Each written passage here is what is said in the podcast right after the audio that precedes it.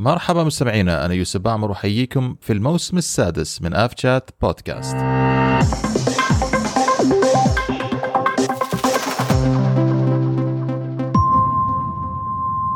مرحبا مستمعينا في الحلقة الخامسة لهذا الموسم معكم أنا يوسف بعمر في حلقة اليوم وراح يشاركني أفلح في تقديم فقرة الأخبار آه مساك الله بالخير أفلح كيف الحال؟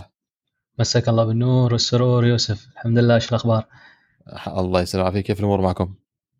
والله الحمد لله مستتبه أشوفكم ارتحتوا الحلقة الماضية. شوية اخذنا راحتنا. بس بصراحة ناقصة وجودك يعني. الله يسلمك ويعافيكم يا رب العالمين. لا بالعكس آه، يحتاج انكم أنتم تكونوا موجودين أكثر مني أنا خاصة الفترة الجاية. آه، محتاج إني أنا أبتعد شوي عن المايك وأركز في أمور ثانية إن شاء الله تعالى بحيث نقدم الأب شات إن شاء الله تعالى بالشكل اللي يرضي المستمعين ونطور فيه بشكل مناسب بإذن الله. مستمعينا قبل بداية كل حلقة احب دائما نقول لكم لا تنسوا تتابعوا حساباتنا على ال X والإنستغرام وال LinkedIn وأيضا تستمعوا البودكاست على جميع منصات البودكاست من Apple Podcast Google Podcast Spotify وأيضا على اليوتيوب. راح نبدأ معكم مستمعينا فقره الأخبار آه، ما راح نطول فيها كثير الامانه لأن مقابلة الحلقة هذه أفلح مقابلة جدا شيقة نتكلم فيها عن حقوقنا كمسافرين. آه إيش إيش لنا وإيش اللي علينا مع المحامي حسين الكاف. المقابلة أفلح آه أجريناها أنا وأبو بكر ومتأكد مستمعينا راح تستفيدوا منها آه الكثير وفيها كثير من الإضاءات لكثير من الأشياء حتى أنا لما كنت كنت أجهلها. فلا تفوتوا مقابلة حلقة اليوم. فخلينا أفلح نبدأ آه، فقرة الأخبار على السريع. لكن قبل بداية فقرة الأخبار أعتقد واحد من أهم الأخبار اللي آه، جالسين نعيشها حاليا آه، غزة. الله ينصر غزة الله ينصر أهالينا في غزة وفي فلسطين. ويدحر العدو المحتل بإذن الله تعالى واللي سووه اخواننا في غزة.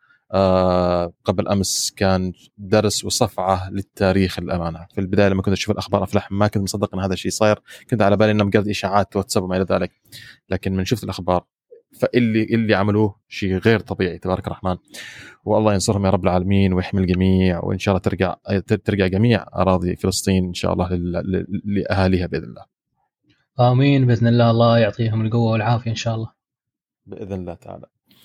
آه مستمعينا كالعادة نبدأ بأول أخبار آه الحلقة. وأخبار نبدأ من السلطنة كالعادة. في خبر غريب شوي أفلح عن طيران السلام حيث قاموا بتعليق رحلاتهم إلى الهند آه حيث أعلنت طيران السلام أنه سيعلق رحلاته من وإلى الهند اعتبارا من بداية شهر أكتوبر الحالي.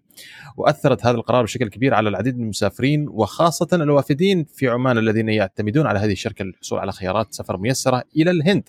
حيث تلقى المسافرون الذين قاموا بحجز رحلات رحلات على متن آه، طيران السلام بعد الأول من أكتوبر رسائل بريد إلكتروني تبلغهم بأن حجوزاتهم ستعتبر ملغية. وقد تسبب هذا الإعلان المفاجئ في تعطيل خطط السفر لمئات المسافرين مما جعلهم يتسارعون للبحث عن بدائل وأوضحت طيران سلام في بريدها للمسافرين أن قرار تعليق رحلات الهند لم يتك... لم يت... لم يتم اتخاذه بسهولة وأشارت الشركة إلى القيود المفروضه على تخصيص حقوق الطيران إلى الهند كعامل رئيسي وراء هذا القرار. وأكدت طيران سلام التزامها برعاية عملائها وتعهدت بتقديم استردادات كاملة للمسافرين الذين تأثروا بتعليق الرحلات. هل عندك اي أي خبر آه، أو اي تفاصيل عن هذا الخبر؟ ليش صار موضوع التعليق؟ هو الواضح آه، إن في مشاكل معهم أو إن مو متفقين على اللي هو بخصوص آه، حقوق الطيران يعني تخصيص حقوق الطيران في الهند. فممكن يعني بسبب بعض ال ال يعني policy وال procedure اللي هناك يتبعوها في الهند يمكن تكلفة مرتفعة أتوقع. فأتوقع هذا السبب يعني من وجهة نظري ممكن يكون. هو هذه هو إما أحاول أفهم هل المشكلة ما بين طيران السلام والسلطات في الهند ولا طيران السلام والسلطات عندنا في السلطنه انهم اعطوا شروط ما بينهم ما بين طيران عماني هل في تقسيم وترتيب معين؟ هذا اللي جالس أحاول إني افهمه لكن على كل حال من بداية الشهر حاليا تم إلغاء رحلات طيران السلام إلى الهند وأعتقد راح تكون شيء إشكالية لكثير من اللي كانوا مخططين إنهم يسافروا خصوصا اعتمادا على على الأسعار اللي كان بالامكان يحصلوا عليها مع طيران السلام.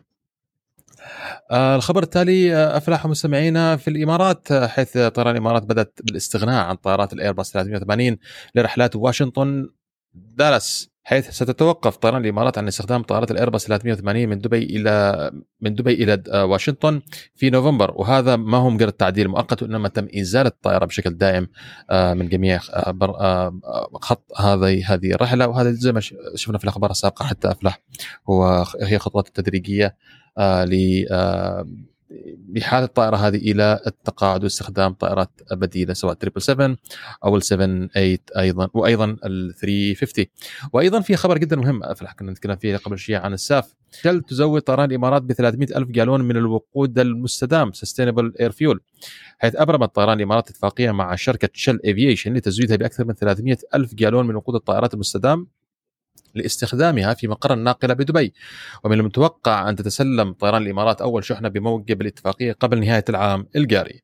مما يجعلها المرة الأولى التي يتم فيها ضخ هذا النوع من الوقود في نظام مطار دبي الدولي للوقود. وتعد الاتفاقية أحدث خطوة تتخذها طيران الإمارات في إطار استراتيجيتها البيئية التي التي تركز على ثلاث مجالات وهي خفض الانبعاثات والاستهلاك المسؤول والحفاظ على البيئة.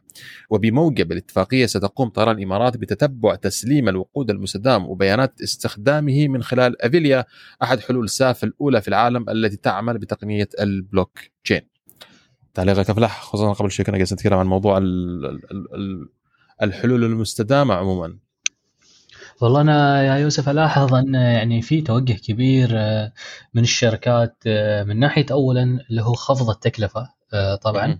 والنقطة الأهم أن شركات الطيران الحين فيها توجه كبير لمجال اللي هو الوقود المستدام سواء من خلال تطوير الهيدروجين أو من خلال يعني إجراء العديد من التجارب. حتى أذكر في الحلقة الماضية كنا كانت في تعاون بين ايزي جيت أحد الشركات عشان اللي هو دراسة الموضوع هذا بشكل أكثر استخدام اللي هو الوقود وقود الطيران المستدام.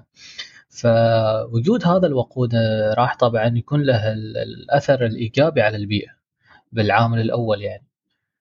فإن شاء الله يكون له مستقبل يعني. لا هو واضح إنه له مستقبل. افلح لأن زي ما ذكرت التوجه القوي اللي صاير مش فقط من الشركات وحتى الحكومات اللي جالسة تدعم آه، في هذا الاتجاه. فأعتقد راح نشوف نتائج آه، آه، ملموسة جدا على أرض الواقع للساف للوقود المستدام سواء إذا كنت تتكلم عن الوقود حاليا أو حتى في مجالات أخرى. بالفعل يوسف. ونروح للخبر اللي بعده آه، من شركة ويز إير حيث إنها نقلت أكثر من 5 5.5 مليون مسافر الشهر الماضي.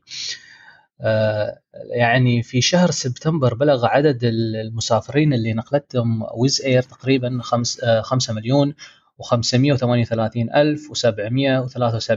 مسافر عبر شبكتها. ويمثل هذا زيادة بنسبة 21.1%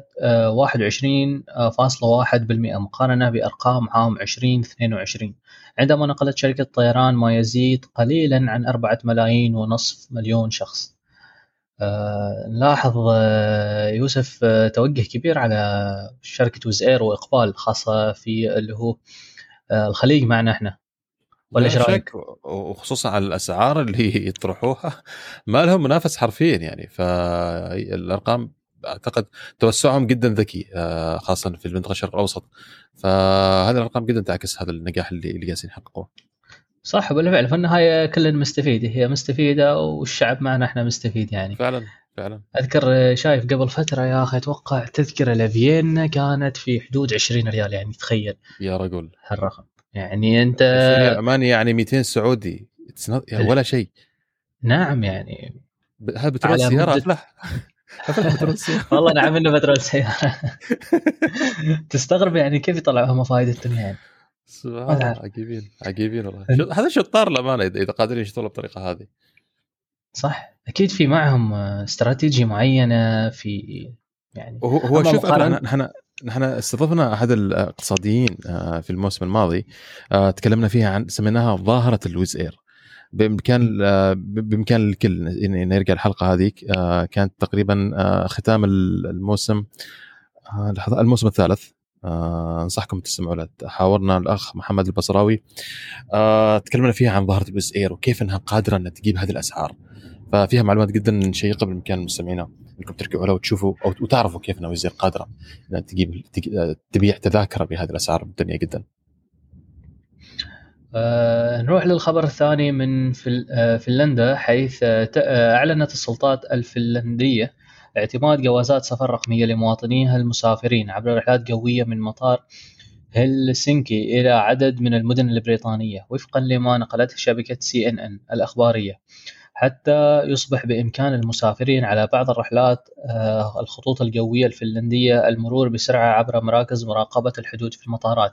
من خلال تسجيل نسخة رقمية من جوازات سفرهم مسبقًا، وأشار المصدر ذاته إلى أن جواز DTC المعتمد عبارة عن نسخة رقمية من جواز السفر العادي ويمكن الاعتماد عليه بنفس القدر. وحسب ما ذكرته CNN فإن من المؤكد أن دولا أخرى ستتبع الإجراء الجديد الذي أقرته الدولة الشمالية المحبة للابتكار.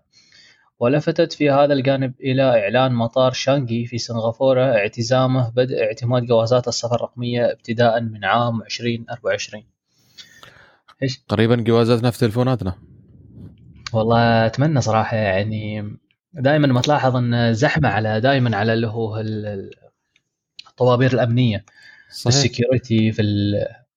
فأتوقع إنه راح يكون راح يسرع العملية بشكل كبير. لأن أفلح شوف أنت الحين لما تقول جواز ورق مادي أنت تتكلم عن مادة أخرى أو حاجة إضافية لازم تأخذها معك. في حين وياما تصير ننسى جوازاتنا أنا مرة صح. كنت مسافر لقطر ونسيت جوازي لكن الحمد لله إنها فتره خلاص رجعوا يستعملوا البطاقات فقدرت إني أكمل السفرة. ف لكن التليفون بالعادة ما ننسى نادرا ما ننسى التليفون هذا. فخلاص يعني زي ما شفت أشياء كثيرة الآن اصبحت في التليفون بطاقات البنك اصبحت في التليفون تراخيص آه لياسن السواقة أصبحت في تليفونات ملكيات أصبحت في تليفونات الجوازات هي أيضا هي مسألة وقت فقط.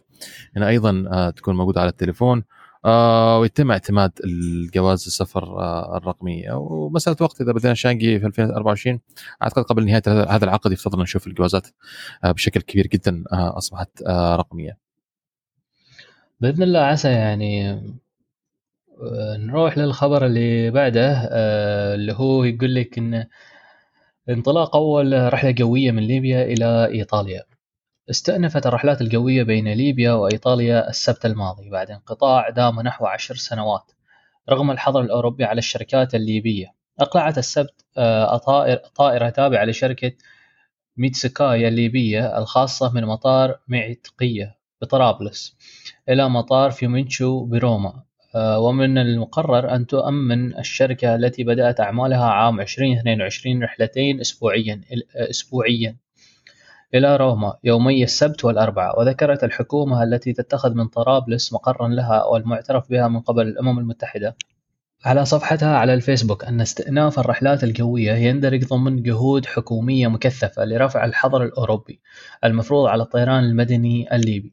أيضا من الأخبار المرتبطة هو إعادة فتح مطار أوبا أوباري الدولي بجنوب ليبيا بعد توقف لأكثر من أربع سنوات. شهدت ليبيا أمس إعادة آه، فتح مطار أوباري آه، الدولي بجنوب البلاد بعد توقف لأكثر من أربع سنوات وفقا لوسائل إعلام ليبية وقالت منصة في, وصا آه، في واصل إن أول طائرة استقبلها المطار جاءت من طرابلس. وعلى متنها وفد من مصلحتي الطيران المدني والمطارات لإعلان افتتاح المطار بعد استكمال أعمال الصيانة. الخبرين هذيل كلهم إيه، نفس آه، بنفس المعنى بما يعني بدأت آه، نقدر نقول إنه بدأ ينشط مجال اللي هو الطيران في ليبيا ولا إيش رأيك يوسف؟ وفتح الأجواء بعد الحظر اللي كان مطبق عليها من كذا دولة أدخل أخبار إيجابية لله الحمد واخواننا في ليبيا يقدروا إنهم يرجعوا يسافروا بأريحية زي ما يفترض إنها تكون بإذن الله تعالى. طيب يا سيدي عندنا كمان خبر آه، أفلح من السعودية من المملكه حيث إن طيران ناس استلام خمس طائرات إيرباص 320 نيو ويرفع حجم اسطوله إلى 56 طائرة. وأيضا الخطوط الجوية السعودية أفلح تعود إلى كندا بعد خمس سنوات آه بعد حيث إنه بعد نزاع دبلوماسي دام خمس سنوات تعود الخطوط الجوية السعودية إلى كندا برحلات آه إلى مطار تورنتو بيرسون الدولي هذا الشتاء وقالت الناقله أن استئناف الرحلات سيكون بإضافة بارزة لشبكة الرحلات الدولية وستقوم الناقلة بتشغيل مسار ست مرات اسبوعيا ذهابا وايابا على طائرة بوينغ 787-8 دريم لاينر وتستوعب الطائرة 24 مقعدا في درجة رجال الأعمال و274 مقعدا في الدرجه الاقتصادية. ما أعرف اللي متابعين أخبار قبل خمس سنوات كان صار في مشكلة دبلوماسيه بين المملكة العربية السعودية وكندا. شافوا أنفسهم شوية الكنديين وأعطوهم من المملكة العين الحمراء الين ذكرنا في كذا مرة آه، كثير من السياسيين الكنديين كان آه، قام زيارات إلى المملكه بحيث أنه يرجعوا الأمور إلى مسارها. وترى في الأخير هم المستفيدين. أكثر آه، مننا نحن في الخليج وفي المملكة. فاحد الأخبار أيضا الإيجابية آه، لكل من موجود آه، من إخواننا إخواننا السعوديين في كندا فتح أو عودة الخطوط الجوية السعودية برحلاتها إلى من والى كندا. نروح للخبر الثاني من يونايتد ايرلاينز تعلن عن طلبية ضخمة لشراء 110 طائرات. أعلنت شركة يونايتد ايرلاينز أمس عن طلب شراء 110 طائرات من ايرباص وبوينغ للتسليم بدءا من عام 2028 حيث تسعى إلى توسيع شبكتها الدولية. وقالت شركة الناقل التي تتخذ من شيكاغو مقرا لها أنها أنها ستحول الخيارات السابقة وحقوق الشراء إلى طلبيات مؤكدة لشراء 50 طائرة بوينغ 787 9 للتسليم بين عامي 2028 حتى عام 2031 و60 طائرة إيرباص A320 نيو للتسليم بين عام بين عامي 20 2028 و 2030 وحصلت الشركة أيضا على خيارات جديدة لشراء ما يصل إلى 50 طائرة إضافية من طراز 787 وحقوق شراء 40 طائرة إضافية من طراز A320 A321 في نهاية العقد إيش رأيك يوسف؟ التوسع مستمر أفلاح. الحاجة بس طبعا ملفتة البعض قد انتبه لها إنها رغم إنها شركة أمريكية ما قست طلبياتها مش كلها فقط بوينغ وإنما أيضا منها ايرباص طبعا لمكافحة الاحتكار وإنهم يحصلوا على عروض جيدة من الطرفين وتكون ورقة مساومة. عند يونايتد ايرلاينز لما تطلب الطائرات فدائما يقوم تنويع الطلبيات ما بين الشركتين. بدل وأيضا بدل ما إنك تحط بيضك كلها في سلة واحدة وتصير معك مشكلة مثل ما صارت مع الماكس. هذه احد الاستراتيجيات اللي يعملوها أو يتخذوها شركات طيران عند طرح الطلبيات.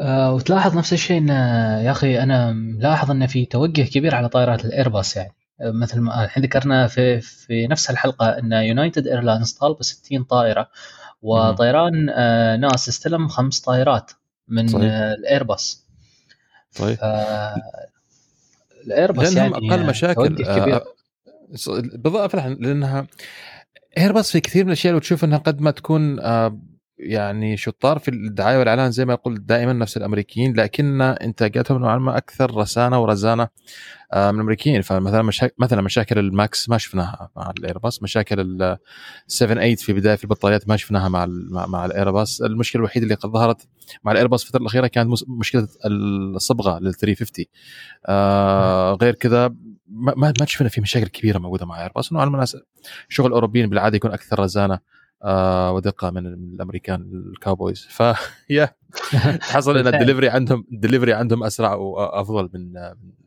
من بوينغ بالذات. وخاصة حط بالك حاجة ثانية أفلح إن أساسا ترى ظلال مشاكل الماكس لا زالت مستمرة على البوينغ فعندهم تأخير لا زال نوعا ما في خطوط الإنتاج والتسليم للشركات. نعم الواضح إنه بدأ يطغى الايرباص على البوينغ آه، نروح نفس الشيء إلى خبر يتعلق بالإيرباص حيث أن الخطوط الجوية القطرية تكشف عن ألوان طائرة إيرباص A330 إكسبو 2023 الدوحة. كشفت الخطوط الجوية القطرية يوم الأحد عن تصميم جديد لإكسبو 2023 وهو حدث مدته ستة أشهر تحت عنوان صحراء خضراء بيئة أفضل. وباعتبارها الشريك الاستراتيجي الرسمي آه، لهذا الحدث تقدم الخطوط الجوية القطرية أيضا تجارب خاصة على متن الطائرة وقوائم طعام محسنة اعتبارا من 11 أكتوبر. جو جميل أفلح لما لما تسافر في آه، في أحد لأحد هذه الوجهات آه، وعندهم بعض الفعاليات الكبيرة وتحصلهم مجهزينك حتى من الطائرة. في في vibe موجود في الطائرة تعيش الجو آه، بشكل جميل جدا. كمثال طبعا أستذكر ال vibe تبع كأس العالم يعني. الله. من تركب الطائرة وأنت خلاص دخلت جو كأس العالم. فمبدعين لما القطرية. صحيح أنا بصراحة إن شاء الله إذا صارت لي فرصة آه، ودي أزورهم يعني.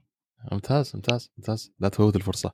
طيب خلينا أيضا نختم بخبر أيضا في القطرية حيث آه، ها الحين تو كنت قاعد تقول ان الايرباص قاعدين يسلموا شوف القطرية استلمت طائرتين من بوينغ. 7 8 دريم لاينر في يوم واحد. آه، حيث أضافت الخطوط الجوية القطرية طائرتين أخريين من طراز بوينغ 787 dash 9 إلى أسطولها أواخر الأسبوع الماضي وتم استلام طائرتين من مصنع بوينغ إيفريت في باينفيلد. واستقبلت شركة الطائرات الجديدة يوم السبت حيث وصلت بفرق أقل من ساعتين إلى مطار الدوحة. ومع هذه الإضافات أصبحت للناقل الآن 13 طائرة طائرة نشطة من طراز بوينغ 787 8 مع وجود أكثر من 15 طائرة أخرى لم يتم تسليمها بعد. فهذا مستمعينا خلينا نقول إن تقريبا هذه خلاصة الأخبار لحلقة اليوم. ما راح ما نريد نزود كثير للأمانة لأن بناكم تستمعوا وتستمتعوا آه، بالمقابلة. ففاصل سريع مستمعينا ونك...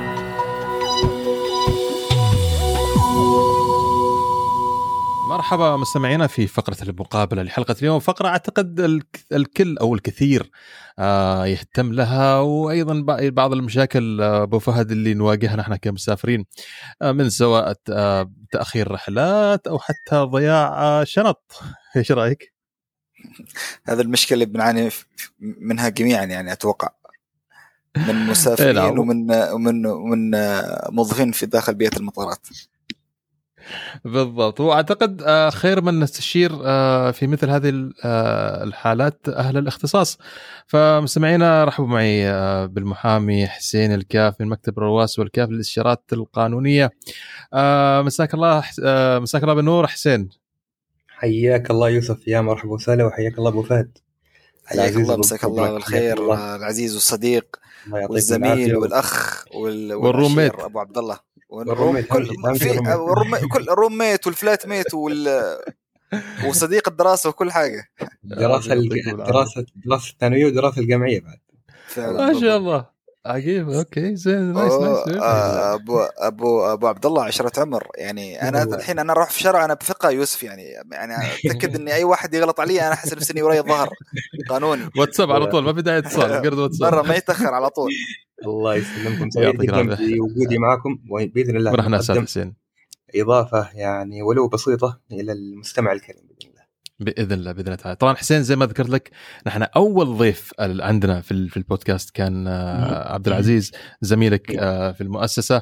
والآن بعد ثلاث مواسم نسترجع أيضا مرة ثانية إن نستضيفكم مرة أخرى بحيث نتناقش في الموضوع المهم جدا اللي يهم جميع المسافرين. في في مستوى العالم كامل لأن هذه المشاكل دائما تحصل سواء كان نتكلم عن تأخر رحلات عن ضياع شنط وما إلى ذلك من الحالات اللي قد تحصل نعم. في المطار فمتاملين إن شاء الله تعالى ومتيقنين بإذن الله تعالى إن راح نأخذ منكم الفائدة الكبيرة جدا إن شاء الله تعالى لنا وللمستمعين بإذن الله. طبعا الأستاذ عبد العزيز حطني أبو سعود حطني تحت ضغط إنه أنا لازم أقدم حاجة يعني ما تطرق إليها ما شاء الله هو ما خلى حاجة اي والله ما شاء الله عليه ما شاء الله يعني. أنا جالس أسمع المقابلة. طبعا سمعتها في قبل الوقت يعني إنزالها. وأيضا سمعت الحين يعني. ما شاء الله كان في تغطية بشكل جميل للقوانين اللي نظمت العلاقة بين الناقل والراكب. على حد سواء بالضبط. زين آه، طبعا طبعا تحية آه، لعبد العزيز آه، تحية كبيرة كانت حلقة حلقة كانت جدا جدا ممتعة. وحتى لأن الحلقة هذيك حسين كنت بس بسجل فيها لحالي فطلبت من عبد العزيز إنه يشاركني حتى في فقرة الأخبار. فهو كان حرفيا كان مقدم للحلقة وأيضا ضيف في في في نفس الوقت. فأعتقد كان أيضا تجربة جدا جميلة لنا مع بعض. حسين أنت الحين ذكرت ذكرت نقطة فأعتقد نأخذها كمحور بداية لنقاشنا اليوم. إن هناك في تنظيم أو في تأطير آه لعلاقة للعلاقة هذه ما بين مقدم الخدمة وما بين المستهلك في هذه الحالة وهو المسافر. نعم. ف نعم. يعني هل خليني أسأل سؤال كذا بكل يعني بديهية آه، هل هناك فعلا قوانين آه، قوية آه، تدير هذه العلاقة ما بين مقدم الخدمة شركات الطيران والمستهلك في هذه الحالة هم المسافرين؟ أكيد أكيد. آه قطاع الطيران من القطاعات المهمة في العالم. آه جميع خطوط الإنتاج وجميع الصناعات وجميع الأمور اللوجستية تعتمد اعتماد كلي على قطاع الطيران. فمن من الضروري إنه كان يكون فيه قانون ينظم هذه العلاقة. آه، ابتدت هذه يعني القوانين باتفاقيات دولية. هذا الكلام كان في السابق. يعني كانت بدأت باتفاقية شيكاغو ومن ثم اتفاقية آه، وارسو واتفاقية مونتريال واتفاقية جنيف. جميع هذه القوانين كانت تحاول إن هي يعني تقوم آه، تضمن حقوق الناقل والراكب وحتى شركات اللي هي جالسة تستورد البضاعة من من دولة من دولة سين إلى دولة صاد. فبعدها طبعا آه، أيضا كانت في قوانين داخلية تقوم على آه، ضمان حقوق الجميع وتسيير العملية، العملية عملية النقل الجوي بأسهل طريقة ممكنة. فنعم الاتفاقيات الخارجية هي مثل ما ذكرتها هي شيكاغو آه، مونتريال آه، جنيف. الاتفاقية أو القوانين الداخلية في عمان ممكن نحن نجملها بشكل رئيسي في قانون التجارة العماني من الفصل الرابع من المادة 199 إلى المادة تقريبا 216 آه، تكلمت على حقوق والتزامات المسافر إيش اللي ممكن يعمله إيش الضمانات اللي يعني وضعها القانون في حالة وجود أي آه، تأخير أو أي ضرر حصل على الراكب.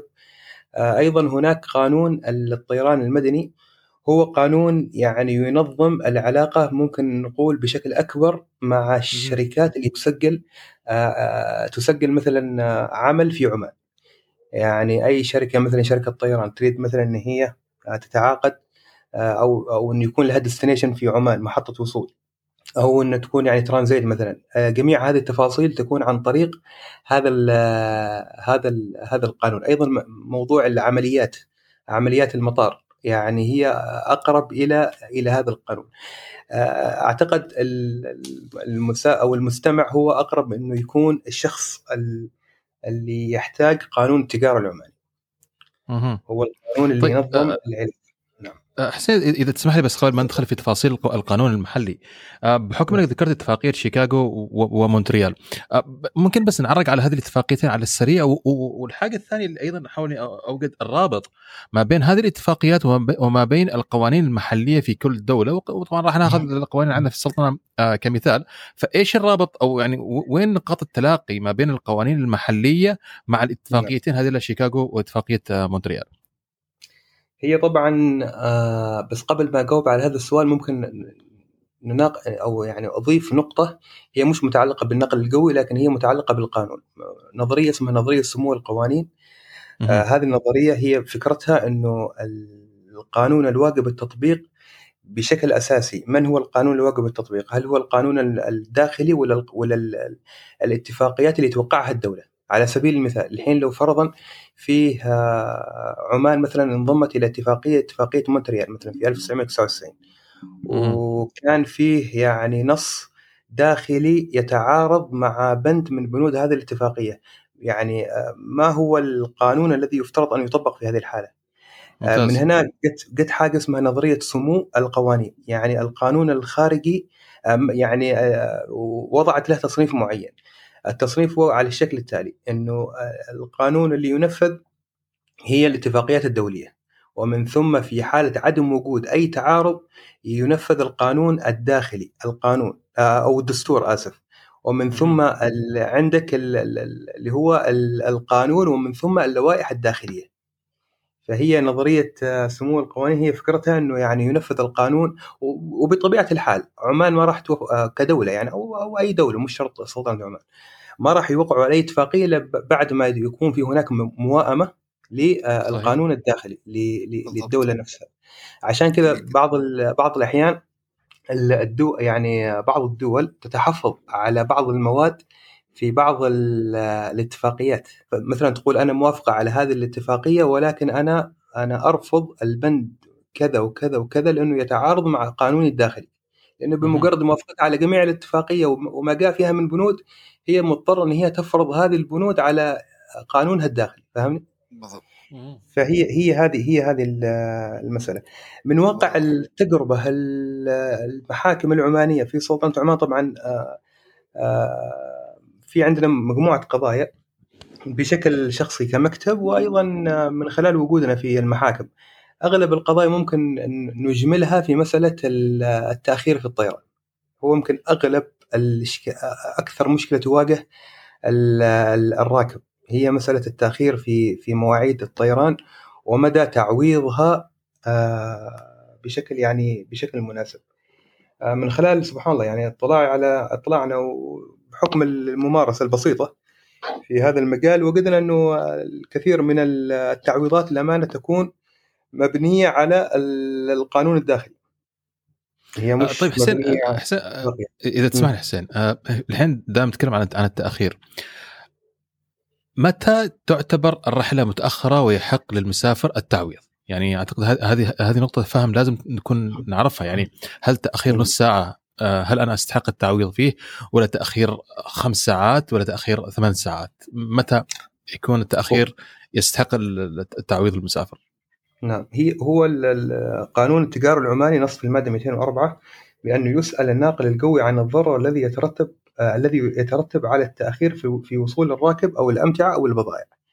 يعني ما حصر آه مدة معينة إنه يعني آه في حالة يعني حدوثها انه يكون هناك تعويض. لا هو خلاها على إطلاقها بحيث أنه تكون هناك آه، صلاحية للمحكمة وللقاضي في أنه هو يقدر يقدر التعويض.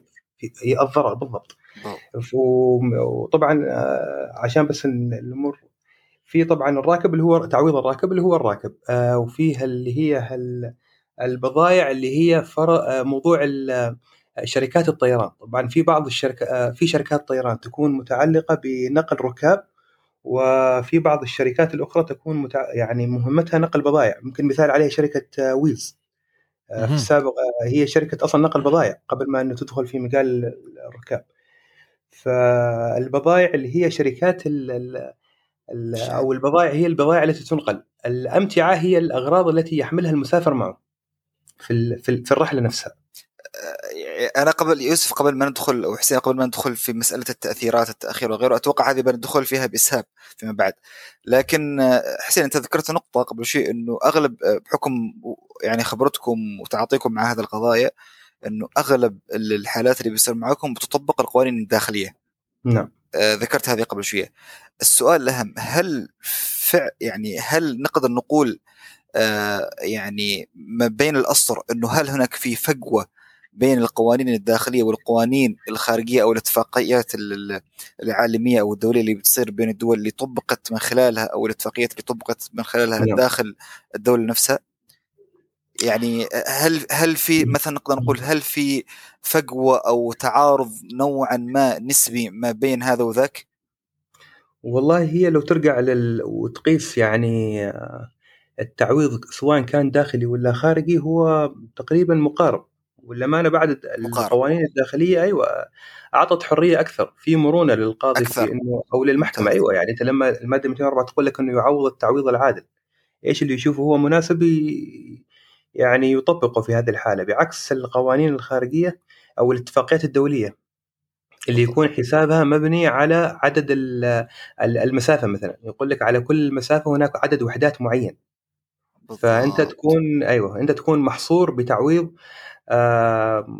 مبني على آه، حساب واحد زائد واحد. بعكس القوانين الداخلية اللي تعطي مرونة للقاضي وللمحكمة وأيضا آه، إنه يكون عنده سلطة تقديرية في في قياس الضرر اللي حل على الشخص. ممكن يكون شخص يعني عنده يعني تعامل أو مثلا اتفاقية تجارية معينة مقابلة عمل عملية جراحية محامي كان يريد يحضر يعني قضية معينة في دولة معينة. فهذه الأمور تعطي مرونة أكثر للقاضي. أنا رأيي بأنه بالعكس اللي التوجه اللي الداخلي. الداخلي هو هو الأفضل هو الأفضل بكثير.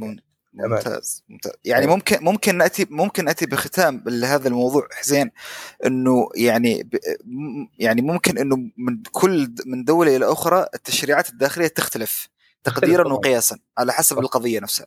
صح. هو أكيد. يعني في في بعض الدول المجاورة أيضا قوانينها كانت يعني ممتازة و يعني لكل دولة يعني لها قوانينها الداخلية مثل ما تفضل. بمعنى أنه ما في موائمة ما بين دولة وأخرى في موضوع التقدير والقياس القضية نفسها. لا بالضبط. يعني لكل دولة هناك قانون داخلي وبلا شك أنه كل دولة لها قوانينها الداخلية وما في دولة تقدر أن تتدخل في دولة أخرى في موضوع السيادة يعني سيادة القانون على الدولة الأخرى. واضح. نعم.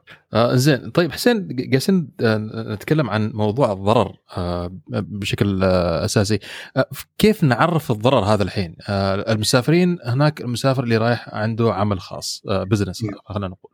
البعض قد قد تكون عنده آه قد يكون عنده مراجعة. آه البعض قد يكون رايح فقط سفرة. فكيف نعرف الضرر في هذه الحالة؟ آه لكل مسافر من هذه من هؤلاء المسافرين؟ نعم. هو لا يعني في القانون يقول لك على أساس إنه تكون هناك يكون هناك تعويض لابد من خطأ ارتكب. وضرر حل بسبب هذا الضرر وعلاقة سببية بينهما. يعني ضرر قامت فيه الشركة الناقل وضرر حل على ال على ال على الراكب والعلاقة السببية. ففي حالة توافر هذه الأركان الثلاثة تقوم المسؤولية ال- ال- المدنية. طبعا مسألة إثبات الضرر هي بطبيعة الحال يعني تختلف باختلاف المواقف. آه،. مسألة الإثبات هي طبعا على كل موقف. مثلا آه، قاضي أو محامي يثبت أنه كان عنده جلسة مثلا في اليوم الفلاني في المحكمة الفلانية في الدولة الفلانية. وبسبب مثلا تأخر تأخر الطائرة يعني فاتته القضية وخسر الدعوة مثلا. يقدم هذه الإثباتات كلها يعني. وطبعا تكون مقرونة بال بال بالتأخير في موعد الطائرة. اللي يعني أيضا يعني ممكن إنه هو يثبته عن طريق البوردنج متى مثلا اقلع أو متى متى راح فكل هذه الأمور يعني بإمكان ال- ال- ال- المتقاضي إنه يقدمها أمام المحكمة وبإذن الله يجد التع- التعويض العادل بإذن الله. زين خل... خلينا نحطها بطريقة كذا بسيطة جدا حسين أنا مثلا رايح رايح مسقط يعني لا عندي مثلاً. موعد ولا شيء بس رايح مسقط سياحة خلينا نقول طبعا بأخذ صلاله مسقط كمثال آه لا أكثر و... وأيضا أنا رايح في يوم أيضا ما عندي التزام لا عندي اجتماع لا عندي عمل ما عندي شيء. أنا حرفيا رايح فقط سياحة وما عندي أي التزام ولا عندي فندق أنا عندي بيت في مسقط نعم. آه الرحلة الشركة شركة سين تأخرت علي مثلا أربع ساعات. هل الان هل الان يعتبر في القانون أنا وقع علي ضرر من هذه الشركة بسبب التأجيل؟ طبعا طبعا. لمجرد إنك أنت نويت إنك أنت.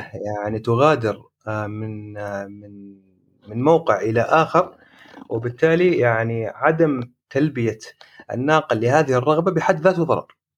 ممتاز. هو ضرر. هو أنت أنت السبب في إنك أنت دفعت مبلغ معين وإنك سافرت إلى الدولة الفلانية أكيد إنه أنت عندك آه هدف من الذهاب إلى ذاك المكان فهناك تعويض. لابد إنه يعني يتم التعويض عنه لكن أنا لما أتكلم عن إنه يعني مثلا هناك بعض الأمور اللي. فوات فوات كسب معين مثلا تاجر معين صحيح. انت بعيدا عن التعويض اللي أوريدي أنت ممكن إنك أنت تحصله جراء هذا التأخير من الناقل أنت أيضا بإمكانك إنك تثبت بأنه أيضا هناك في شيء آخر أكبر من هذا التعويض اللي ممكن أنا أحصله وقد يكون تعويض أخرى. وقعت أيوه في شيء كبير مثلا آه، آه، مثل المبالغ وتكون مبالغ باهظة يعني زين حسين على على على ضوء هذه الأضرار اللي إحنا نتكلم عنها. آه، قبل ما قبل ما ندخل في الأضرار أنا كمسافر الحين يوسف ذكر لك سيناريو. أنا كمسافر عادي إيش هي اللوائح اللي من خلالها أنا أقدر أستند عليها وأعرف إيش اللي لي وإيش اللي علي؟ يعني أنا الحين تأخرت علي الرحلة أنا كمسافر. بس. يعني هذه أتوقع غالبية الناس. يعني أنا أنا ما أعرف حقوقي أنا ما أعرف ال rights أو حقوقي أنا كمسافر. إيش هي. وين ممكن أروح؟ يعني ك كإجراء. يعني نحن بعدها بنروح بال... بال... بالأضرار اللي مثلا التأخيرات واللي بروح لها يعني واحدة واحدة. لكن قبل ما ندخل في هذا بشكل عام أي ضرر كان ولو بنأخذ أمثلها أبسطها اللي هو التأخير. أنا كمسافر إيش هي الخطوات اللي ممكن أقوم فيها آه واحد اثنين ثلاثة آه. بحيث إني أنا أعرف آه حقي من هذا من هذا ال- الضرر اللي صار. نعم. هل في لا لا مثلا معينة أقدر أرجع لها مثلا؟ يعني. مثلا أنا يعني حقيقه هيئه الطيران المدني بتقوم بشغل جبار بالذات هذه السنة يعني مثلا أنا كمثال في السعودية آه يا أخي في عندهم بلاتفورم واضحة وسهلة أنت إذا حصل لك. ضرر ممكن إنك مثلا تتصل في الرقم الفلاني أو نعم. ممكن مثلا تراسلنا على مثلا الإيميل الفلاني أو ممكن أيوة. إنك مثلا آه، تروح إلى ال- إلى المكتب الفلاني ولكن اللي حاصل في يعني هذا أتوقع واضح الكل في في في في, في, المطارات عندنا الأمور نوعا ما يعني ضبابية ما في شيء. واضح. يعني أنا كمسافر متضرر صار لي موقف مع أي شركة من الطيران الصين أو صاد أو أي كان نعم. بدون ما نذكر أسامي. إن كانت شركات آه، محلية أو شركات آه، خارجية. آه، إيش هي الإجراء السليم اللي أنا ممكن أقوم فيه؟ وأعرف كبيس أو كقاعدة أنا إيش اللي لي وإيش اللي علي. هو حقوق المسافر ممكن إن إحنا يعني هي بشكل عام راح تكون موزعة على مجموعة آه، قوانين لكن هي ترتكز بشكل رئيسي على قانون الطيران المدني. آه،. في هناك قوانين أو هناك مواد نصت على آه، ضرورة احترام المسافر للقوانين المعمول فيها في سواء في المطار أو إلى في الطائرة نفسها كناقل أو يعني رحلتك أنت بشكل عام يعني إيش الالتزامات اللي مفروضة عليك اتباع تعليمات كابتن الطائرة في الطائرة في حالة إنه هو طلب منك آه، أي أي طلب معين. يعني كل هذه الأمور آه، لازم إنك أنت تتبعها. لما أقول إنه في قوانين أخرى مثال عليها موضوع البطاقة الشخصية. يعني مسألة إنه طبعا في آه، بند في قانون ينص على إنه مسألة البطاقة الشخصية. يعني في حالة إنه هي راح تنتهي. خلال أقل من ستة شهور فيجوز لل الناقل الامتناع عن قبول التذكرة. فاهمني؟ على اعتبار أيوه وهي هذه كثير حصلت بعد. يعني أقل من ستة شهور آه، لا يسمح القانون بأنه المسافر آه، يقوم بإجراء هذه السفرة على اعتبار أنه ممكن تنتهي بطاقته في الخارج. فهي كثير من القوانين اللي يجب إنه الواحد يعني يكون ملم فيها. طبعا هو العلم بجميع القوانين هو أمر يمكن أشبه إلى الكم أقرب إلى الكمال وهذا أمر مستحيل. صحيح. لكن على الأقل إنه يكون في إلمام بالوعي اللي جزاكم الله خير. أنتم جالسين تقدموه عن طريق هذه المنصات جزاكم الله هي إن هذا هذا أبو بكر. أيوه. تسمح لي أبو بكر. أنا أنا إلى الآن أنا أنا كنت أحسب إن يحق لي التعويض بعد تأخير كذا ساعة فهمتني؟ يعني الحين لا يعني مجرد أي تأخير هو تأخير آه، آه، صار هناك في ضرر علي. أنا أنا ما كنت أعرف هذا الشيء. أنا بالنسبة لي كان هناك يفترض في ساعات إذا إذا صارت اخير هذه الساعات هذيك الساعة أنا يصير طالع. فجزاك الله خير حسين إنك نورتنا للأمانة في في في هذه في هالبيسيه سبحان الله. هو هو أقرب مثال لهذا الأمر. إذا بس تسمح لي أبو بكر الموضوع آه، عندي أخ كان مسافر إلى مسقط فكان تأخرت عليه الطائرة ساعتين أو ساعة ونص بالضبط. فكلمني قال يا أخي أخوي محامي يا أخي حركنا في ساعدنا خلينا نطلع كم من بيسم من بشركه الطيران يعني. قلت ما مشكلة بنقرب نرفع الدعوة وبإذن الله يعني وفق القانون. أنت وفق المادة 204 اللي تكلمنا عليها إنه في تأخير حدث والقاضي أيضا له سلطة تقديرية في في في التعويض يعني. فكان في تعويض في, في كان في تعويض من ال من ال من المحكمة حكمت بتعويض لكن هو مش بالتعويض الكبير حقيقة يعني. المبلغ هو كان 60 ريال. 60 ريال يظل؟ عماني يظل يظل يظل بس هو في يعني. النهاية مثل ما قلت يعني آه، آه، في في تأخير ويفترض يكون في جزاء يعني على هذا الأمر. صحيح, إيه لكن حسين الحين أنا أنا كمسافر وتأخرت. أنا طبعا إحنا يعني مشان ما يفهمون المستمعين الخطأ. إحنا ما بنحرض يعني ما بنحرض المسافرين على شركه على الناق على شركات النقل القوي ولا اخره ولكن آه، من الضرورة أنه نعرف لأنه للأسف في حقوق كثيرة نحن بنجهلها من من ضمن الأشياء اللي تذكرتها اليوم يعني. مساله مسألة التأخير ما مبني على فيسس أو يعني مراحل من كذا إلى كذا إلى كذا ومن كذا إلى كذا إلى كذا. والمسألة في تقديريه آه، في, في الأخير. لكن طيب. أنا كمسافر تضررت أول خط أروح له أشتكي آه، يعني خط مثلا الدعوة أو الشكوى تروح أول حاجة. ممكن أنا أتخطى شركة الطيران وألقى إلى إلى إلى إلى القضاء على طول ولا لازم في خطوات معينة لازم أتبعها ويكون خط الدعوة أو خط القانون هو آخر ناين يعني ممكن نوصل هو ممتاز. هو في ممكن يكون التواصل مباشرة مع شركة الطيران بشكل ودي أيوه. بأنه تعرضنا إلى تأخير معين ونطلب التعويض المناسب على هذا التأخير. أيضا هناك اللي هي العامة للطيران المدني. بالإمكان تقديم آه، شكوى إلى هذه الجهة كونها هي جهة تنظم عمليات الطيران في السلطنة ومن ثم هم يقوموا بالتواصل حسب علمي مع شركات الشركات الشركات الناقلة ويتم تقديم العرض. لكن في في حالة إنه توجه شخص مباشرة إلى القضاء فلا يوجد هناك مانع آه، قانوني. آه، لابد فقط هي مراعاة مسألة. مسألة أنه في تقادم في الدعوة الدعوة المتعلقة بالنقل القوي بمعنى أنه في حالة حدوث لك أي آه، إشكالية معينة مع شركة طيران أنت عندك مدة قانونية تقدر من خلالها أنك تتوجه إلى القضاء. بعد مرور هذه المدة أنت ما لك حق حتى لو فعلا حصل لك هذا الشيء لكنك أنت ما كم هذه المدة حسين؟ هي مدة التقادم في الدعاوي آه، المتعلقة بالنقل القوي سنتين.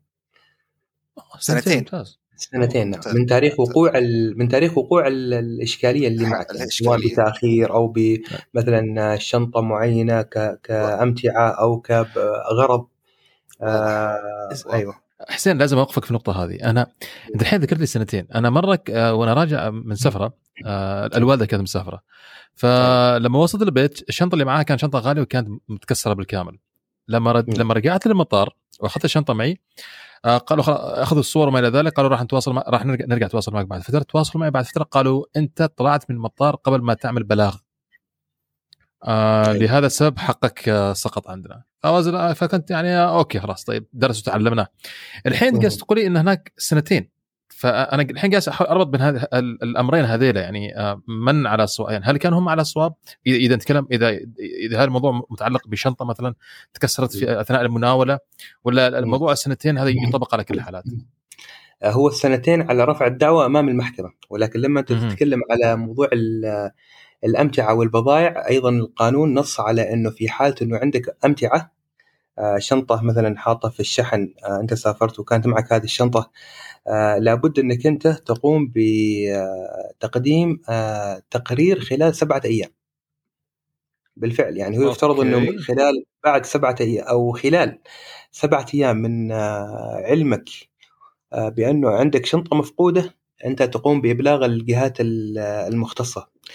هي الحين هذه أمام الشركة نفسها على أساس إنك مم. أنت يعني تبلغهم. لكن عندك سنتين بعدها تقدر تروح إلى القضاء. ما في أي إشكالية يعني. فاهمني؟ okay آه، في في حالتنا ما كانت شنطة مفقودة انما شنطة موجودة بس متكسرة إن هو هو. تعويض تعويض سواء ب- ب- بفقدان أو بتلف. ما. يضحكوا علي. يضحكوا علي. والله هذا أنا أنا أنا والله أشوف إنك ترجع لي موعد التذكرة متى كان وتتأكد هل كان خلال سنتين آه، ولا لا أعتقد أعتقد فوت لكن- سنتين خلاص راحت علي لكن حسين يعني ما, زين ما ممكن إنه في هذه الحاله أنا كمسافر ممكن إني أتلاعب على شركة طيران إني فعلا صحيح. أنا طلعت ممكن إنه الشنطة حصل لها ضرر خارج صحيح. آه خارج آه محيط المناولة المطار. أو ال- المطار.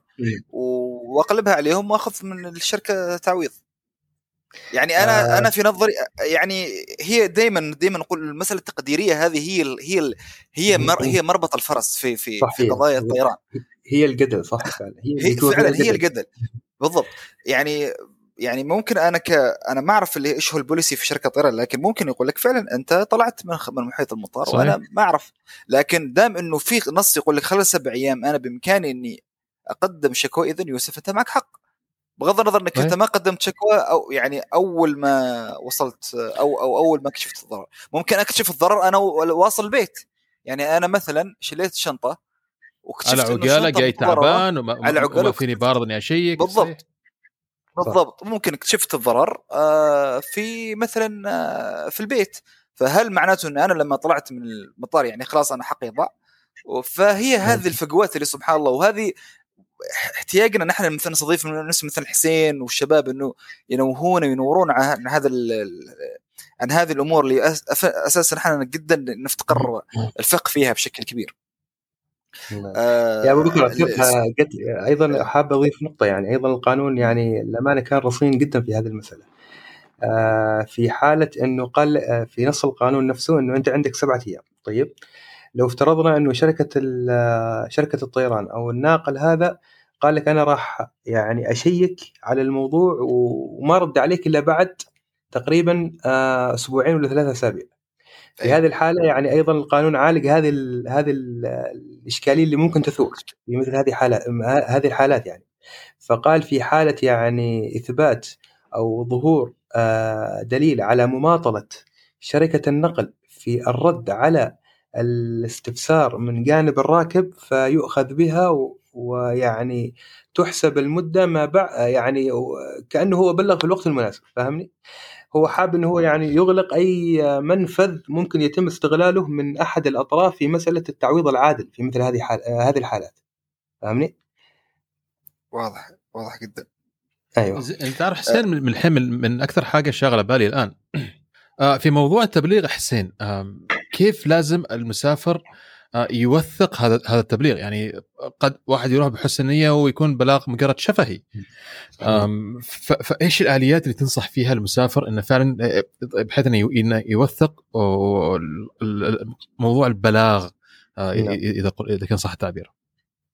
هو البلاغ يقدم أمام الشركة نفسها. آه. يفترض إنه يكون هناك يعني آه، فورم أو لا أو يعني زي الورقة اللي فيها تعبئة بيانات معينة بأنه أنا الاستمارة راكب بالضبط. الاستمارة هذه إنه بالاسم نعم. الفلاني بالرحلة الفلانية اسم الرحلة أو رقم الرحلة آه، رقم آه، رقم المقعد الإشكالية اللي صار صارت لك سواء بتلف أو فقدان أو أو اي أي أمر آخر ويتم تقديمها وطبعا يتم إثباتها في في حينها يعني. هي هي يجب أن تكون. تكون مثبتة كتابيا يجب أن تكون مثبتة كتابيا بالضبط أم- أما أني رحت لهم وخبرتهم وكلمت شخص الفلاني هذه الأمور طبعا المحاكم ما تأخذ فيها ولا ولا تبنى عليها. عليها قضايا. والله هي ممكن إنك أنت يعني تثب يعني هي راح تشكل بعدين صعوبة لك فيما بعد إنك صحيح، انت تثبت صحيح. انك فعلا قمت بالإبلاغ ممكن تستعين بوسائل إثبات أخرى إنه كان عندي الشاهد الفلاني وتستدعي أنت الشاهد هو الشهادة من من وسائل الإثبات وه- وهذيك الساعة واحد يشوف هل الموضوع فعلا يستاهل إنه يدخل في المعمعه هذه كلها إيه. ولا لا يعني بالضبط. هذه. إنزين حسين الحين خلينا ندخل في الموضوع الجد نتكلم في الفلوس. نعم. آه، إذا إذا حسين ناخذ بعض الأمثلة. أهم نقطة أكيد حسين إذا ناخذ بعض الأمثلة مثلا اللي مرت عليكم بعض القضايا آه، بحيث يعني نفهم نفهم ال- ال- التعويض كم يكون كم يوصل؟ آه، ما أعرف إيش الأمثلة اللي ممكن تعطينا إياها. مؤخرا آه، كان فيه أسرة آه، انتقلت يعني أو سافرت من صلالة إلى تركيا آه، مكونة من سبعة أفراد على أساس أنهم يقضوا هناك يعني مثل ما تقول سياحة عدة أيام سبعة أو أو ثمانية أيام. طيب السفرة في الذهاب كانت الأمور فيها طيبة وما فيها أي تأخيرات أو إشكالية. في العودة كان هناك تأخير قرابة الست ساعات يعني كانوا يفترض أنهم يعودوا في أيوه في الساعة ال- مثلا 6 المساء وال- والرحلة تحركت آه، الساعة 12 بالليل. فكان في هناك تأخير أو انتظار في المطار مدة آه، ست ساعات. فهذا الأمر يعني آه، أرهق أرهق هؤلاء الركاب. وبعد ما رجعوا إلى صلاله طبعا سافروا هم ووصلوا صلاله والامور طيبة. آه، بعد ما و- آه، استغفر الله. بعد ما وصلوا مسقط أيضا آه، كان هناك تأخير آخر. وفروا لهم في. مسقط فندق. أيوه. وفروا لهم. سكن. أو هذه أيضا نقطة يعني زين آه، أريد أوقف عندها والله. زين إنك ذكرت نقطة فيها أيوه. هي مسألة التعويض سواء بفندق أو بملب أو بمثلا مرطبات أو ال- الأطعمة هذه لا تغني أو لا ت- لا, لا يعني ممتاز. آه، تغني عن التعويض. هناك تعويض قائم. ممتاز. هذا هذا هذا شيء وهذا شيء آخر. على الرغم من. وجود تعويض حتى بسكن حتى يعني بفندق خمس نجوم هذا ما ما له علاقة. آه وصلوا إلى صلالة ومن ثم قاموا دعوة أمام القضاء. آه طبعا كانت بلا شك خلال السنتين على أساس إنه انتقلنا موضوع التقادم في موضوع التأخير في رفع الدعاوى وحكمت لهم المحكمة بمبلغ كل شخص آه، 300 ريال. كانوا سبع أشخاص. يعني قول 2100 يعني تغطي قول نص أو ربع قيمة السفر إلى تركيا يعني. انت أنتوا كم أخذتوا؟ المكتب كم أخذتوا تعب؟ آه هذا تحت الهواء إن شاء الله ممتاز طيب آه، آه، حسين ز- زين يا أخي دامنا جالسين معاكم تعطونا بعض الحالات الغريبة إذا إذا قد مرت عليكم في نفس ال- ال- الموضوع هذه والله من القصص أو ال- ال- ال- القضايا اللي مثلا مرت علي للامانه ما كانت معي بشكل شخصي ولكن كانت متداولة في المحاكم. آه، هي قضية آه، آه، كان في سوء فهم في في في الطائرة. يعني كان في شخص مسافر من النقطه س للنقطه صاد ولما ركب إلى الطائرة ويريد الشخص يسافر كانوا لا زالوا يعني في ال- في ال- في المدرج يعني لا الطائرة ما ما قلعت. فالكابتن الطائره نادى باسم الشخص الفلاني اللي جالس اللي كان يجلس في أو اللي يجلس في المقعد الفلاني في الطائره. جاء منه الخروج حالا من الطائره الرجال أموره طيبة دافع التذكرة وداخل وأموره طيبة وما في كانت أي إشكالية يعني. فبعدين اتضح إنه كان في خطأ يعني. وفعلا هو طلع طلع من الطائره واستجاب للأمر بس يعني أنت تعرف الموقف نفسه والنظرات ال- الكم راكب في الطائرة يعني ينظرون لك بنظرة يعني وكأنه أنت يعني إما أنك عليك يعني إشكالية معينة ولا انك أنك أنت عندك شيء يعني. تعرض لحرق يعني حرق كبير فعلا هي هذه من ال... وفعلا رفع دعوة والحمد لله تحصل على تعويض من ال... كان هو المسألة كان في سوء فهم من قبل ال...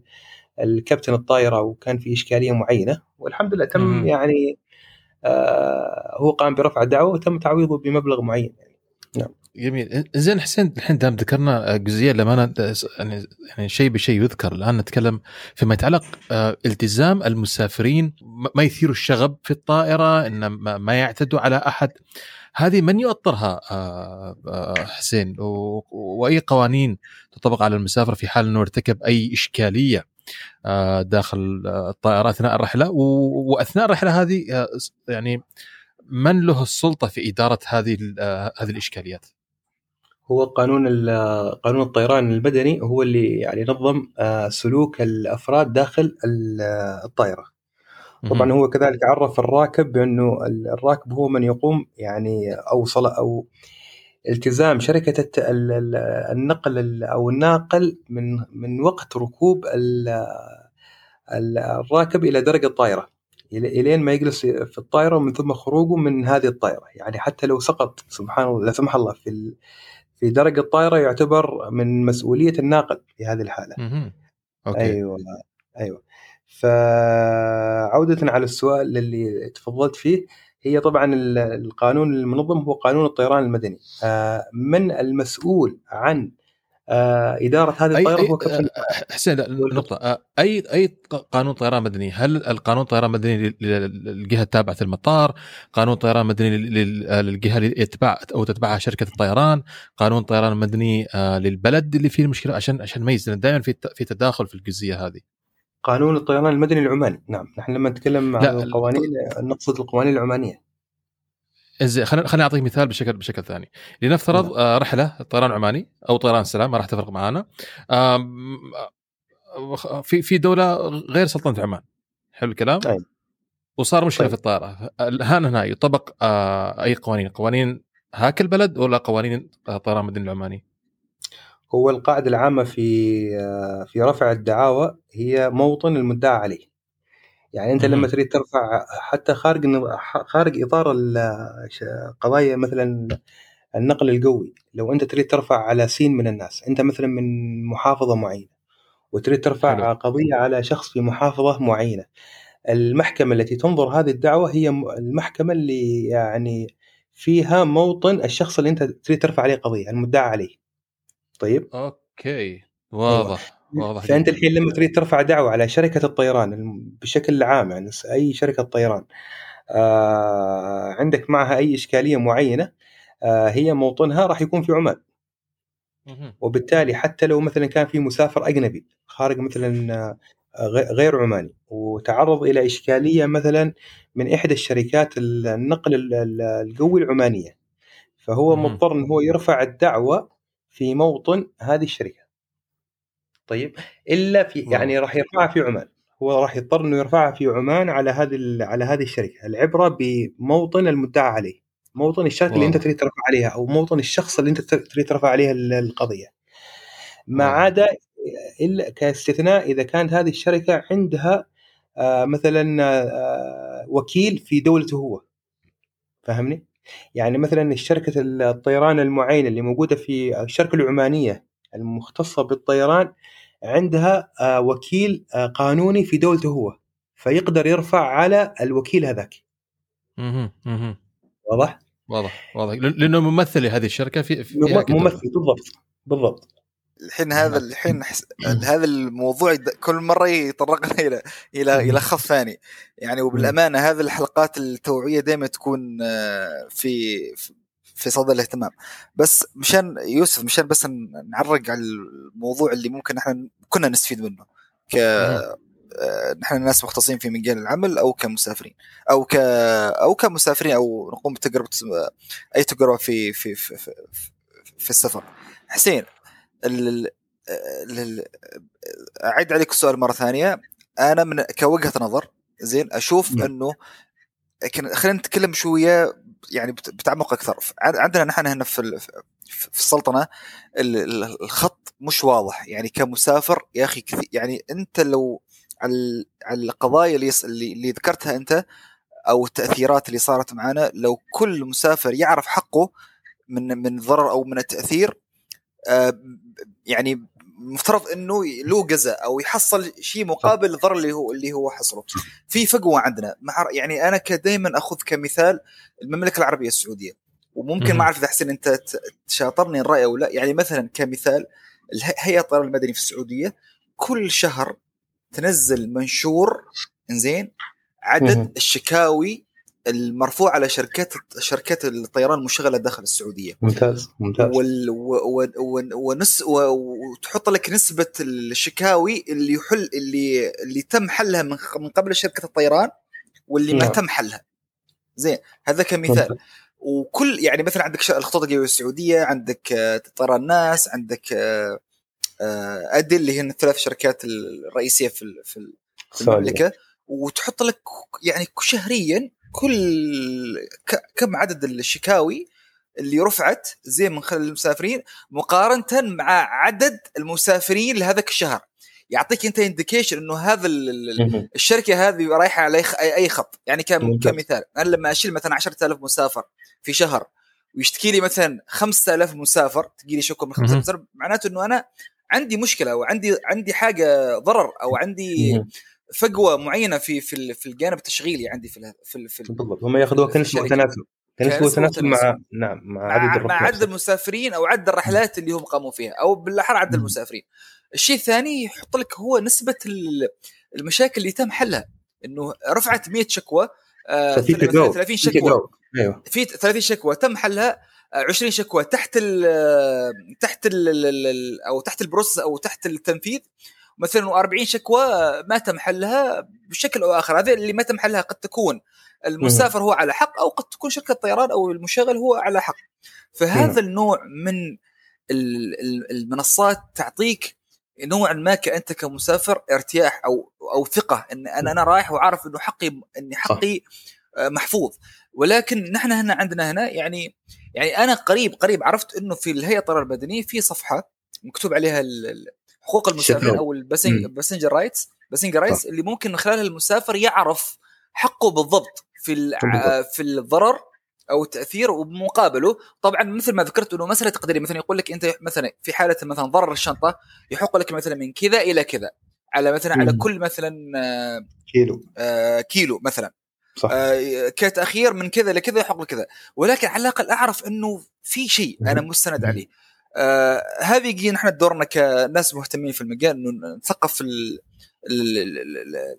نحاول بقدر المستطاع ننشر ثقافة ال- التوعية القانونية في مجال الطيران ولكن أتمنى يعني أنا من أتمنى السلطات كشخص- التنفيذية بقى أيوه السلطات اللي عندها السلطات القرار. تسهل تسهل عملية يا أخي اقلها أقلها أنت لما تروح مطار هيثرو أتوقع حسين أنت زرت مطار هيثرو كذا مرة أو أيوة. مرة اول أول ما تدخل الباب حاطين لك لوحة طو... يمكن أربعة في أربعة حقوق المسافرين أو ال passenger ال passenger rights. يعرف المسافر إيش هو إيش له إيش اللي عليه من. وإلى. خلاص أموره واضحة لكن هذا الفجوه اللي إحنا عايشينها هذا اللي خلت من خلال انه شكاوي ال- أو قضايا ال- ال- ال- على شركات الطيران تزداد بشكل جدا كبير في ال في ال في السنوات الأخيرة. وأتوقع إنك أنت من الشركات أو من من المحامين اللي عشت هذه التجربة بشكل كبير.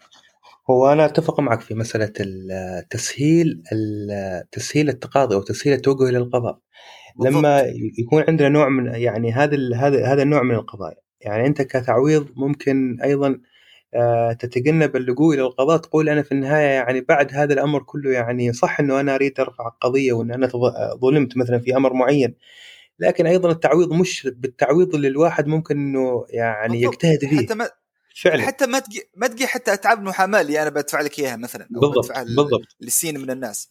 فهذا فيفترض من الجهة المشرعة بالضبط مثل ما تفضلت إنه يكون التوجه إلى ال- إلى إلى حل مثل هذه الأمور تكون بطريقة أسهل وبطريقة أكثر مرونة بحيث إنه ما يكون فيه يعني استغلال من قبل طرف على آخر في اللعب على هذا الوتر. إنه خلي ما حد راح يشتكي لإنه في النهاية كم راح يحصل يعني. ف آه، خلي الموضوع يعني يطول في المحاكم وإنه يعني تكون في قوانين أكثر يعني آه، تعقيدا في هذا الجانب. آه، أبو بكر أنت ذكرتني بموضوع في إحدى الشركات هي شركات النقل القوي أو يوسف. هي شركات نقل شركة من شركات النقل القوي في السلطنة. عندها شرط. أنت لما تقوم بحجز هذه التذكرة آه في شرط إنه يقول لك في حالة نشوء أي نزاع آه ما يحق لك إنك أنت تروح للمحكمة. أنت تروح لوين؟ للتحكيم. هو التحكيم آه هي التحكيم عبارة عن وسيلة من وسائل التقاضي آه يستخدمها آه تستخدمها الشركات في حالة إن هم ما يريدوا إنه الموضوع يكون يكون طويل في المحاكم. يعني فرضا لو أنا عندي شركة كبيرة وفي شخص آخر عنده شركة أو شركة أخرى آه ويريدوا في حالة نشوء أي نزاع إنه الموضوع ما يطول في المحاكم يتفقون إنهم يروحوا إلى عند هذا المحكم شخص اسمه محكم يقوم بمقام القاضي وهو معترف فيه في جميع الدول حتى في عمان عندنا. ممتاز. فاهمين؟ هذا هذه الشركة عاملة هذا المحكم على أساس إنه في حالة نشوء أي نزاع في حالة التأخير أو في حالة نشوء أي تلف في البضاعة أو ضياع أو ايا كان. فلما هم يرفعوا قضية على الشركة في على على هذا الناقل في المحكمة المحكمة تحكم بانه هناك شرط أنت موافق عليه عند عند عند أخذك لهذه التذكرة. لما أنت دفعت أنت كأنك أنت كنت موافق على جميع الشروط. طبعا التك هذيك اللي انت تعملوها ونحن كلنا نعملها هذيك تكون تحت بلاوي هذيك. فيها بلاوي كثير. صحيح. فيها بلاوي كثير. فالمحكمة ما تحكم له بأي حاجة. ليش؟ لأنه هو كان موافق إنه في حالة وجود أي إشكالية يفترض إن هو يروح إلى هذا المحكم. ما ما يروح إلى القضاء. طبعا إيش مشكلة المحكم؟ المحكم إنه بمقابل أنت هو يقدم لك خدمة هذا هذا المحكم. وما جالس يعني يحل القضايا ويقوم بدور القضاء بدون أي مقابل لا. فأنت بدل ما فوق إنك أنت شايف إنه ما راح تحصل مبلغ كبير بعد إنك أنت راح تدفع إلى هذا المحكم تقول يعني خلاص صلى الله وبارك وأنا خلاص ما عاد فعلا مثل ما ذكرت يعني هو تسهيل الأمور تسهيل اللجوء إلى القضاء يقود عمل شركات الطيران للأمانة. يعني هم لما يشوفوا بشكل عام الشركات إنه فعلا فيه يعني قوانين آه يعني تحاسب على كل إشكالية لا أكيد إنه الجوده راح تكون أعلى يعني. أكيد يرفع مستوى في النهاية. أكيد يرفع مستوى الكواليتي للش... للمزود الخدمة وال... وحتى تجربه المسافر. يعني أنا أتذكر الحين الوضع ممكن يتحسن أكثر. لما أنا جيت في قبل مثلا 13 14 سنة. لما تصير عندك قضية موظف طريق يقول لك يا أخي تريد هذه ولا روح اشتكي. الآن ما يقدر يقول لك هذه الكلمة لأنه الوضع الآن صار نوعا ما محكم أفضل آه، بطريقة يمكن أحسن من قبل. الوعي القانوني لهذيك الفترات كان جدا ضعيف. الوعي القانوني. ما حد كان أساسا الناس تبهذلوا في المطارات قصوا من أيام وتكنسلت رحلاتهم والتقت رحلاتهم وما كان حد أساسا يتجرأ إنه يشتكي. لأنه ما في جهة آه، سلطة تنفيذية رقابية على على مزودي الخدمة. هو حتى ما يعرف ما يعرف إنه مثلا ممكن هو يعني تعرض إلى إشكالية مثل ما أنت تفضلت الحين في هيثرو يحط تكون في لائحه تعرف أنت إيش لك وإيش اللي عليك يعني. فهي بالضبط. مساله الجهل أيضا بالقانون هذه بعد إشكالية أحيانا. لكن بشكل عام للأمانة يعني من واقع تجربة بشكل عام الوعي القانوني الوضع بشكل عام في حتى والله في مختلف المجالات. ولله الحمد في تحسن كبير يعني للأمانة. في موضوع أكيد. المحاسب والشفافية زين حسين لو لو نمر على السريع الآثار والضرر اللي ممكن آه، تصير لأغلب نقدر نقول طبعا في حالات نوعا ما تكون استثنائية أو شاذة يعني من من من, المعتاد. في تاثيرات في في سيناريوهات دائما بتحصل المسافر نمر عليها على السريع وتعطينا أنت آه، على أثر هذا الضرر أو الأثر آه، إيش أنا ممكن إني أحصل. أول شيء اللي ذكره اللي ذكره يوسف اللي هو التأخير تأخير تأخير الرحلة. يعني هو هو التأخير مثل ما بلغتك يعني إيه. الموضوع القضية اللي تم استعراضها القاضي اعتبر أنه المسافة بين تركيا وصلالة أو إلى مسقط كان 3600 آه، كيلو. والتعويض كان 260 ريال وبعدين أضاف لها 40 ال 40 المحكمة أضافت مبلغ 40 ريال على التأخير اللي كان من مسقط إلى صلالة. فهو التع- الت- التعويض يعني هي سلطة تقديرية للمحكمة وهذا أيضا مثال آه، مثال عليها في مسألة ال- في مسألة التعويض. زين على ضوء التقدير هل المسافة يعني هل اللي الحين ذكرت مثلا 3600 كيلو آه، يعني مثلا نقدر نقول مثلا أكثر مثلا آه، أكثر من رقم معين التعويض يكون كذا وأقل من هذه المسافة يكون التعويض كذا مثلا هل هذا الموضوع مفصل أكثر؟ آه، هو هو الموضوع آه، مثل ما تقول يعني أعطى أعطى القاضي الصلاحية الصلاحية المادة المادة 204 قالت يعني إيه. هو عنده الصلاحيه في إنه يقدر الضرر اللي يشوفه مناسب أو يقدر التعويض التعويض. اللي يشوفه. مناسب. أيوه. ممت- ممتاز ممتاز. زين آه طبعا من إضافة إلى ذلك ممكن إنه يعوض بطائره رحله أخرى ممكن حتى بعض الشركات الطيران تكافيك تكافئك ب. آه، بتذاكر مثلا تذكرة ثانية بديلة أو. اي ايا كان يعني. زين الشيء الثاني اللي هو ال overbooking أو ال- الحجز آه، أتوقع أكيد مر عليك حسين هذا المصطلح اللي هو الحجز اللي هو مؤكد ولكن آه، فوق آه، استيعاب آه، الطائرة. يعني مثلا أنا حجز مؤكد ولكن هم شركة طيران حجزت مثلا الطائره تشيل مثلا 180 أوفر أيوه صحيح. حجزت مثلا 105 185 لا باعت ل 185 آه، باعت ال 185 عذرا. فالخمسة هذولك اللي هم أوفر بوكت طبعا ما بيروحوا الرحله لأنه في لكن هاك اليوم جو. لكن هذيك اليوم جو. أيوه. طبعا هذه هذه هذه السياسة موجود تصير يعني صحيح. تصير مقننة وموجودة يعني هذا. ال approach هذا موجود في أغلب شركات الطيران آه كيف إني أنا أتعامل معه؟ يعني أنا حجزي مؤكد جيت وقالوا لي لا أنت مثلا وأنا جيت في الوقت ومره يعني قبل الرحلة بساعتين وثلاث ساعات ولكن للأسف إني ما ما قدرت إنه يقبلوني ك- كمسافر. إني أحصل مقعد يعني. إني أحصل هو بم... هو بمجرد إنه في حجز موجود على هذه على هذه الرحلة فأنت فيه يعني إيجاب من قبل الشركة وقبول من جانبك في في عقد مبرم بينكم أنت والشركة. وبالتالي. يخولك إنك أنت تدخل في هذه الرحلة وتسافر إلى الدولة اللي أنت اللي هي رايحة فيها يعني في حالة آه، قيام الشركة بحجز آه، أو بمنح آه، تذاكر لعدد أكبر من المقاعد اللي موجودة هذه هذا خطأ فادح من الشركة وعلى الرغم انت ذكرت إنه هي يعني حاصلة بشكل كبير بحيث إنه ممكن إيه. ربما يضمنوا أكبر عدد ممكن من الركاب يعني بالضبط على اعتبار. ممكن حد ولكن هذا لا يعفيهم من المسؤولية وهذا يستوجب التعويض من من من من من المحكمة. آه نصيحتي بأنه يتم التواصل الامانه من واقع تجربة يعني يكون هناك تواصل مع شركة الطيران بشكل ودي آه على اعتبار بأنه يعني أنا صار لي الم... تشرح فيها الوقائع. وإنه حصل لي الموضوع الفلاني وأنا طالب بال... بالتعويض ال... ال... ال- المجزي. آه طبعا هو يختلف على حسب الرحلة. آه إذا كانت الرحلة بعيدة يفترض إن التعويض يكون أكبر من لو كانت الرحلة. مثلا من صلاله إلى مسقط مثلا. آه، في حالة عدم وجود أي تجاوب بإمكانك إنك أنت ترفع الدعوة لكن إنك أنت تنتبه إنه تكون الدعوة خلال سنتين من تاريخ الواقعة هذه على أساس إنك أنت ما يفوت عليك موضوع آه، تقادم الدعوة مرور السنتين بالضبط. يعني. أيوه. بالضبط. و- ونوجه رسالة للمستمعين حسين إنه ذكرت أنت نقطة مهمة إنه هذا نفس هذا الموضوع اللي هو الأوفر بوكينج ممكن ينحل ودي آه، و- و- وينحل بسرعة يعني ما فيها تعقيد. بعض شركات الطيران حسين تعطيك 200% من سعر التذكرة اللي أنت اشتريتها ويعطوك تذكرة. بديلة. آه، بعض شركات الطيران يعني مثلا أنا ش- شريت تذكرة 200 ريال يعطوني آه، 400 ريال ك يعني يعطوني 400 ريال ويحطوني في رحلة ثانية.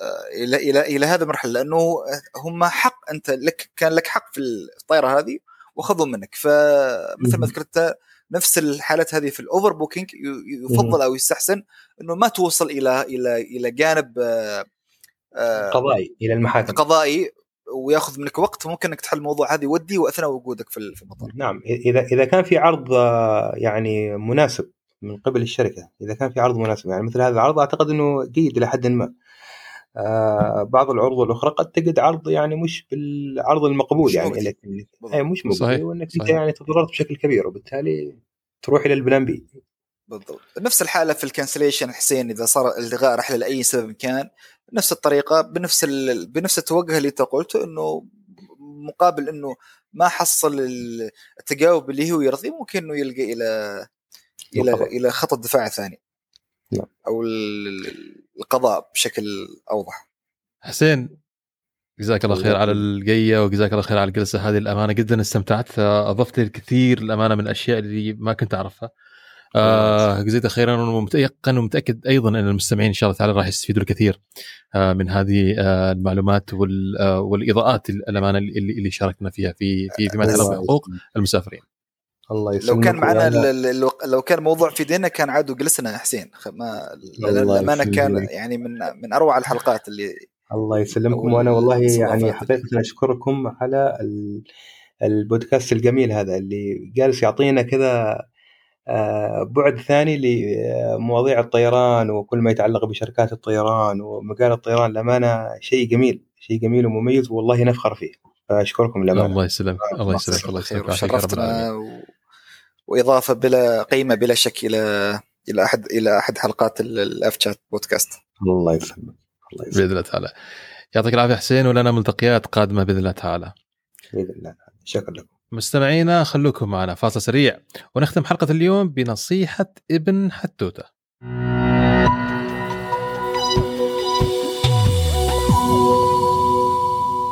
سلام أنا قاسم الحتو وراح أكون معكم بفقرة نصائح ابن حتوتة بالتعاون مع أب شات بودكاست بهاي الفقرة راح أقدم لكم بعض أهم نصائحي بالسفر ونصيحتي لكم اليوم هي عن الإنترنت. دائما للمسافر وجود الإنترنت بشكل دائم بفيد جدا خصوصا إذا بدك تطلب تكاسي بدك تحجز سكن بدك تشوف الخرائط أو بدك تترجم اللغة. كثير فوائد لوجود الإنترنت معك بشكل دائم. لكن أحيانا بعض الدول بتعقد عملية الحصول على SIM card وأحيانا بكون غالي جدا. لذلك واحدة من الشغلات المريحة جدا بالسفر هي استخدام تطبيقات الاي سم ممكن قبل ما تسافر البلد تنزل SIM card على جهازك تشتري فيها حزمة إنترنت ويكون الإنترنت معك شغال من أول ما توصل. بدون غلبة وبالعادة بكون بسعر رخيص جدا. بعض التطبيقات المتاحة لهاي الخدمة Numero Holafly و Airalo وكل واحد من هاي التطبيقات عنده ميزاته المختلفة. أحيانا من الأنسب إنك تشتري SIM card بالبلد اللي بتروح عليها خصوصا إذا رايح لفترة طويلة